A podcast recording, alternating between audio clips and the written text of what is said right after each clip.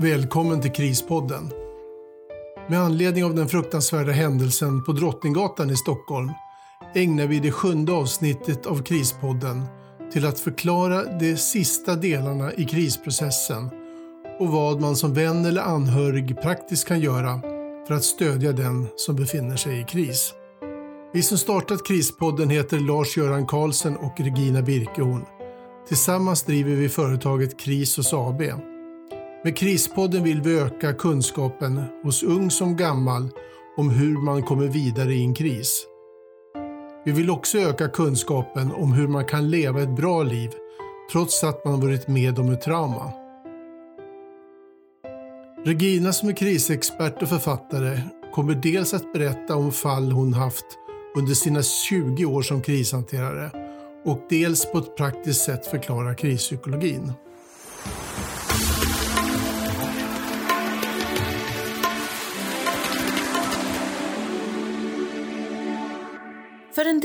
Människor kommer reaktionsfasen att vara där man fastnar och förblir i resten av sitt liv. De kommer ändå ha ett hyfsat liv, men ett liv med begränsningar. Oftast här blir det svårt att tänka framåt, att planera, att glädjas åt andra eller med andra. Många som fastnar i reaktionsfasen har en tendens till missundsamhet gentemot andra. Man kan ibland höra en sån där syrlig bitterhet i deras ton. En del blir cyniska och lite sådär, man tycker att världen är lite krass. De kan också tycka att det är svårt att tycka om människor, ibland hela mänskligheten. Trots risken för att fastna i reaktionsfasen så kommer de allra flesta de kommer att komma vidare in i bearbetningsfasen. Periodvis här i bearbetningsfasen så kommer det att kännas bättre. Man kommer att känna sig lugnare i kroppen, man sover lite bättre, man äter lite bättre, vardagen blir lugnare.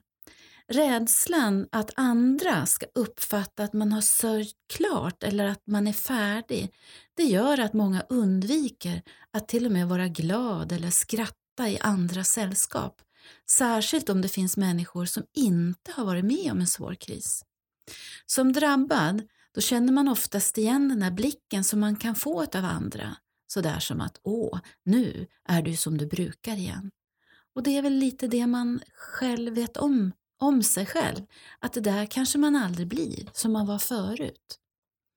Frågan varför, som man har då snurrat i i själva reaktionsfasen, den har oftast fått en följdfråga i bearbetningsfasen. Vad ska jag göra nu? Och vad ska jag ha lärt mig av allt det här? Hur ska jag leva? Och vad är meningen med livet? För att kunna sätta ord på sin nya känslomässiga livskunskap har många ett behov att kunna förstå det här mera verbalt och kunskapsmässigt om det som man har varit med om. Det gör att många söker sig till anhörigföreningar, kurser, seminarier och föreläsningar i ämnet kris. Önskan att, ha komma, att komma vidare med livet har blivit mycket större än frågan varför. Många människor som befinner sig i bearbetningsfasen de vill också berätta berätta för andra hur det har varit och att det finns en väg vidare i livet. Den största skillnaden på att vara i bearbetningsfasen än i reaktionsfasen är just att nu, nu kan man se andra som är drabbade. Utifrån mina egna behov väljer vissa att själva bli hjälpare i den här fasen. De existentiella frågorna om livet, livet efter döden, huruvida vi möts igen, änglar och Gud, får oftast ett större utrymme. Behovet att få svar ger många kraft att orka en dag till. Många människor lever till största delen här och nu. De tar oftast en dag i taget och undviker att planera stora saker, för de vet ju det kan ju faktiskt ta slut när som helst. Här träffar jag många människor som har sin egen tragedi med sig men som också vill hjälpa och stödja andra drabbade. En del människor de är ute och verkligen predikar om sitt trauma, sin erfarenhet. en del föreläser och skriver en bok om just sin livserfarenhet. På våra utbildningar finns många engagerade medmänniskor som vill ha mer, mer än sitt eget trauma som verktyg när de ska hjälpa andra. De vill ha kunskap och fakta och nya verktyg för att kunna bli en ännu bättre hjälpare så att de inte ska gå in i sitt eget trauma varje gång de ska hjälpa någon som är drabbad av kris. Vilket jag kan se är en väldigt vanlig strategi när det gäller krishantering. Bearbetningsfasen innebär ofta att det finns många dagar där jag mår bra igen fast på ett annat sätt än innan sorgen, innan tragedin eller utbrändheten. Sorgen är ju inte borta men den tar inte all min uppmärksamhet varje dag, hela dagarna. Ibland kan den där sorgen eller händelsen komma över mig som en tsunami för att inom kort lugna ner sig. Och varje gång den kommer över mig så minns kroppen den där känslan.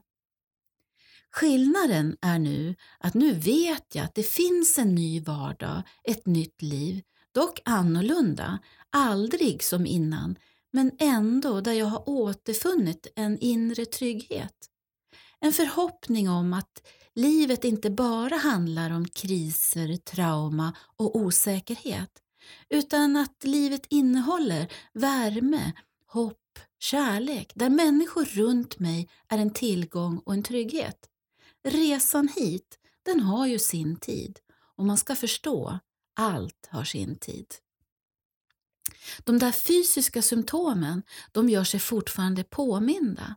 Framförallt när de nya vardagskriserna, när de uppstår i livet. Då rusar stresshormonerna runt i kroppen som redan har en hög belastning.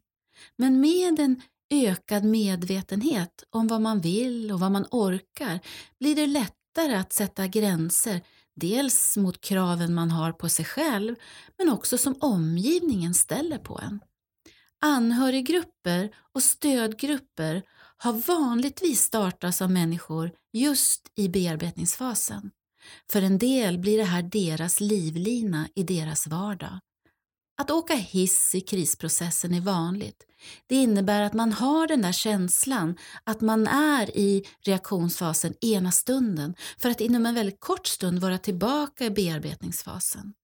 Speciellt när det är de där datumerna, den där dödsdagen, födelsedagen eller när det blir andra viktiga händelser som sker där någon är saknad. Den där hissåkandet uppfattas av många som att man aldrig har klarat av eller ens kommit vidare. Men det här det är en normal känsla. Som hjälpare gäller det att verkligen kunna förklara hur hjärnan vissa dagar har svårt att koppla ihop de olika systemen men att du fortfarande är i bearbetningsfasen.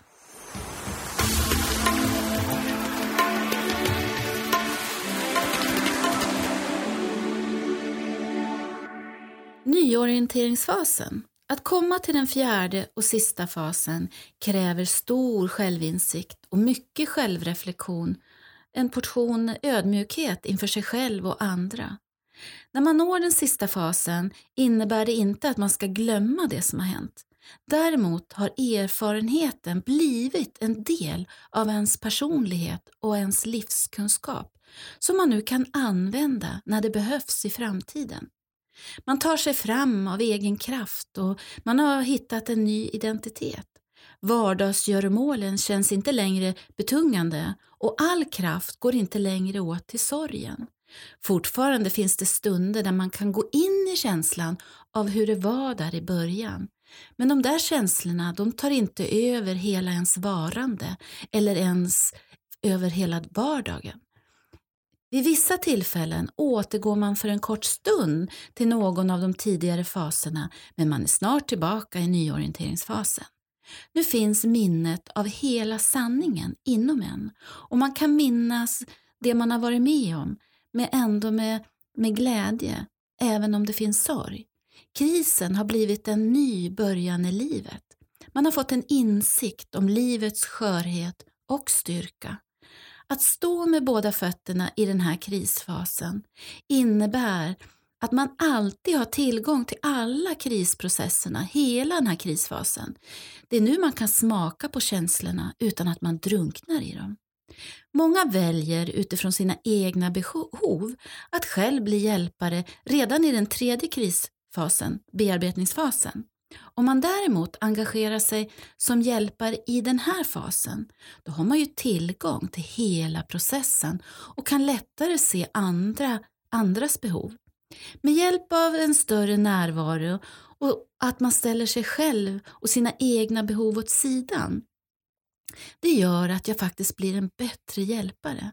Den här fasen tar egentligen aldrig slut utan är en slags pågående process som tillsammans med andra avslutade krisprocesser bildar ett fundament inom mig och som ligger till grund för min vardag och min existens. Att komma hit tar lite olika lång tid för alla människor. Främst beroende på vad man har med sig i sitt bagage. Men också vilket hjälp och vilket stöd man har fått som eh, individ under själva krisprocessen. Det är helt naturligt att processen varierar. Om jag är hjälpare så börjar jag känna till att människor ibland kommer i otakt med varandra, även om de har varit med om samma händelse. Det innebär att någon i en familj kan faktiskt vara i reaktionsfasen, någon i bearbetningsfasen, samtidigt som någon har kommit ända till nyorienteringsfasen. Det här är något som jag som hjälpare faktiskt kan känna till och förklara att det här, det är normalt. Att vara på olika ställen i krisprocessen kan bli särskilt svårt om man är en familj med samma förlust.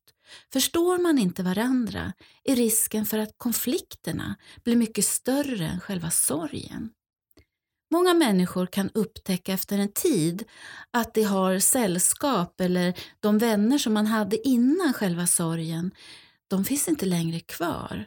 Det här kan bli en sorg i själva sorgen för många. En del upptäcker att de där vännerna som inte var så nära innan plötsligt är de som har klivit fram och verkligen visat vad vänskap är och vänskap kan bli. Krisprocessen är en naturlig process. Ibland går man igenom den flera gånger om dagen utan att den snubblar i en utan att man ens ger den en tanke.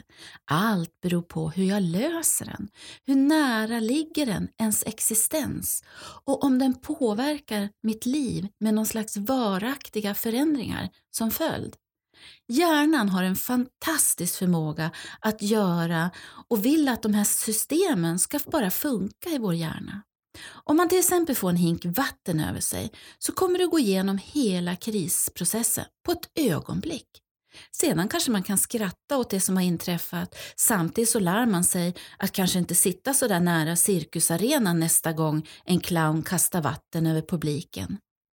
Däremot, att förlora sin partner eller vara med om traumatiska händelser eller få besked att man har svår sjukdom, det däremot det kommer att påverka hela ens mänskliga existens och då tar krisprocessen betydligt längre tid för hjärnan att processa. Ju längre tid det tar för hjärnan att förstå, ju större risk är det att man fastnar i den här krisprocessen.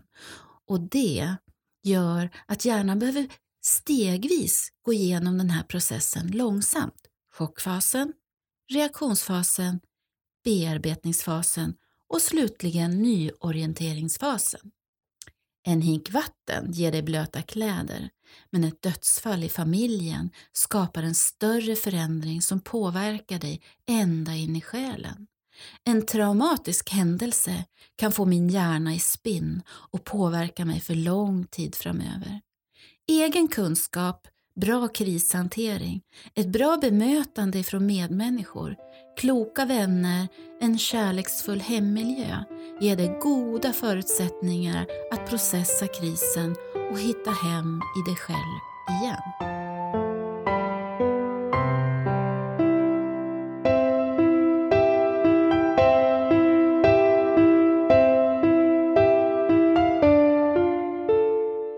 Tack för att du har lyssnat på Krispodden. Om du har frågor till Regina kan du mejla dem till info.krisos.se. Vill du veta mer om Krisos kan du gå in på vår hemsida www.krisos.se eller besöka oss på Facebook.